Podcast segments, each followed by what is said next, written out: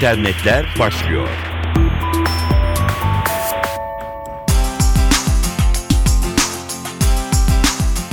Merhaba, dijital dünyanın gelişmelerini aktaracağız. Mikrofonda Dilara Eldaş. Kendilerine Elektronik Suriye Ordusu adını veren internet korsanı grup, İngiliz yayın kuruluşu Sky'ın Android uygulamalarına saldırdı. Saldırıların ardından ele geçirilen uygulamaların bulunduğu Google mağazasındaki bölüm kaldırıldı. Sky'a ait Google Android uygulamalarından 6'sı bilgisayar korsanları tarafından ele geçirildikten sonra sitedeki logolar Elektronik Suriye Ordusu amblemiyle değiştirildi. Açıklamalar kısmına ise Elektronik Suriye Ordusu buradaydı notu eklendi. Korsanlar Sky'a ait bir Twitter hesabını da ele geçirerek takipçilere yeni uygulamaları kullanmalarını öneren mesajlar da gönderdi. Bilgisayar korsanı grubun bundan önceki eylemleri batılı siyasetçilere ya da basın yayın organlarına ait sosyal medya hesaplarını ele geçirmeye yönelikti. Suriye Devlet Başkanı Beşar Esad'ı destekleyen Elektronik Suriye Ordusu bu hesaplar aracılığıyla Suriye'nin düşmanları diye tanımladığı ve bazı Orta Doğu ülkelerinden sızdırıldığı iddia edilen elektronik posta yazışmalarını ve diğer dokümanları yayınlıyorlar.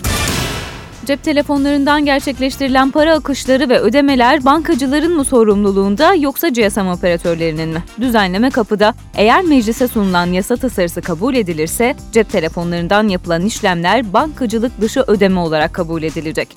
Tasarı, cep telefonlarıyla gerçekleştirilen para hareketleri ve ödemeleri de yasal güvenceye almayı öngörüyor. Önceki akşam meclise gönderilen tasarıyla mobil iletişim sektörünün mevcut ödeme sistemlerine yasal olarak dahil edilmesi amaçlanıyor. Bilgi Teknolojileri ve İletişim Kurumu BTK internet konusunda şikayetleri soracak. Yeni bir anket çalışması başlatan kurum, vatandaşların sabit telefon, cep telefonu ve internet kullanımına ilişkin eğilim ve beklentilerini belirlemek amacıyla bir anket düzenliyor. BTK Başkanı Tayfun Acerer, anketle ayrıca sabit ve mobil elektronik haberleşme hizmetlerine ilişkin kullanıcı profillerini çıkarmak, durum tespiti yapmak, kullanıcıların teknoloji takip ve tercihleri hakkında bilgi toplamak istediklerini de belirtiyor. Anketin Türkiye genelinde 68 ili kapsayacak şekilde 3200 hanede yapılması öngörülüyor. Yaz aylarının malum kara haberi orman yangınları. Yangını önleyen teknoloji henüz gelişmedi ama erken haber veren sistem Ege Orman Vakfı'nın öncülüğünde başladı. Türkiye'de bir ilk. Makineden makineye servisiyle çalışan uygulamanın adı Yangın Uyarı Telemetre Sistemi. İlk uygulaması Devlet Hava Meydanları İşletmesi Genel Müdürlüğü'ne bağlı Bakioğlu Ormanı'nda başladı.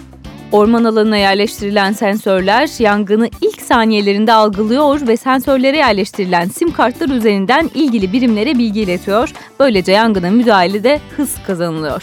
Ulaştırma Denizcilik ve Haberleşme Bakanı Binali Yıldırım konuyla ilgili yaptığı açıklamada bilişimin nelere muktedir olduğunu, neleri başardığını bu projeyle bir kez daha görüyoruz.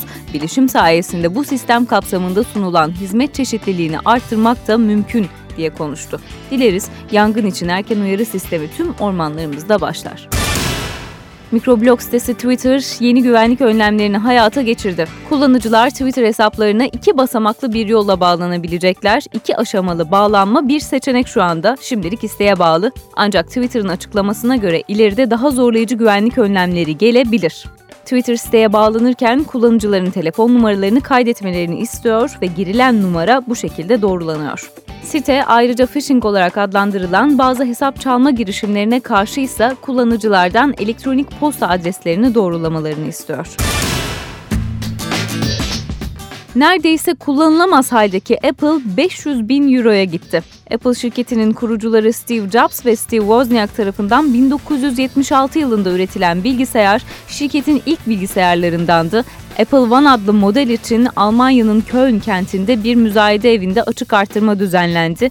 Wozniak'ın bir imzası ve Apple'ın kurucusu Steve Jobs'ın bir mektubuyla bilgisayar kimliğini açıklamak istemeyen ama uzak doğulu olduğu bilinen bir kişiye 516 bin euroya satıldı. Bu rakam Apple One modeli için ödenen rekor fiyat 1976'da aynı model 600 dolara satılıyordu. Bilgisayar işlevi pek kalmasa da dünyada halen çalışır durumda olduğu bilinen 6 adet Apple One'dan biri olarak biliniyor. Fotoğraflar, kartlar çoğu zaman istediğimiz görüntüyü yansıtabilir fakat dile gelemez. Bunun için biraz teknolojiye ihtiyaç vardır. Bir uygulama önerisiyle kapatalım bültenimizi. Adı iPhone Face. eğlenceli suratlar.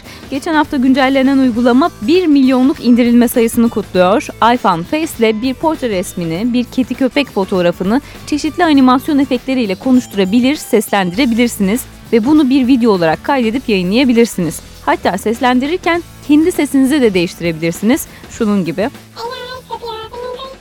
Video paylaşım sitesi YouTube'de aynı isimli kanaldan da paylaşılan diğer videoları görebilirsiniz. Fransa ve İspanya'nın da aralarında olduğu birçok ülkede birinci sıraya yükselen iPhone Face Apple uygulama mağazasında. Gelişmelerle güncellendiniz. Görüşlerinizi Twitter'dan Dilara Eldaş hesabına iletebilirsiniz. Hoşçakalın.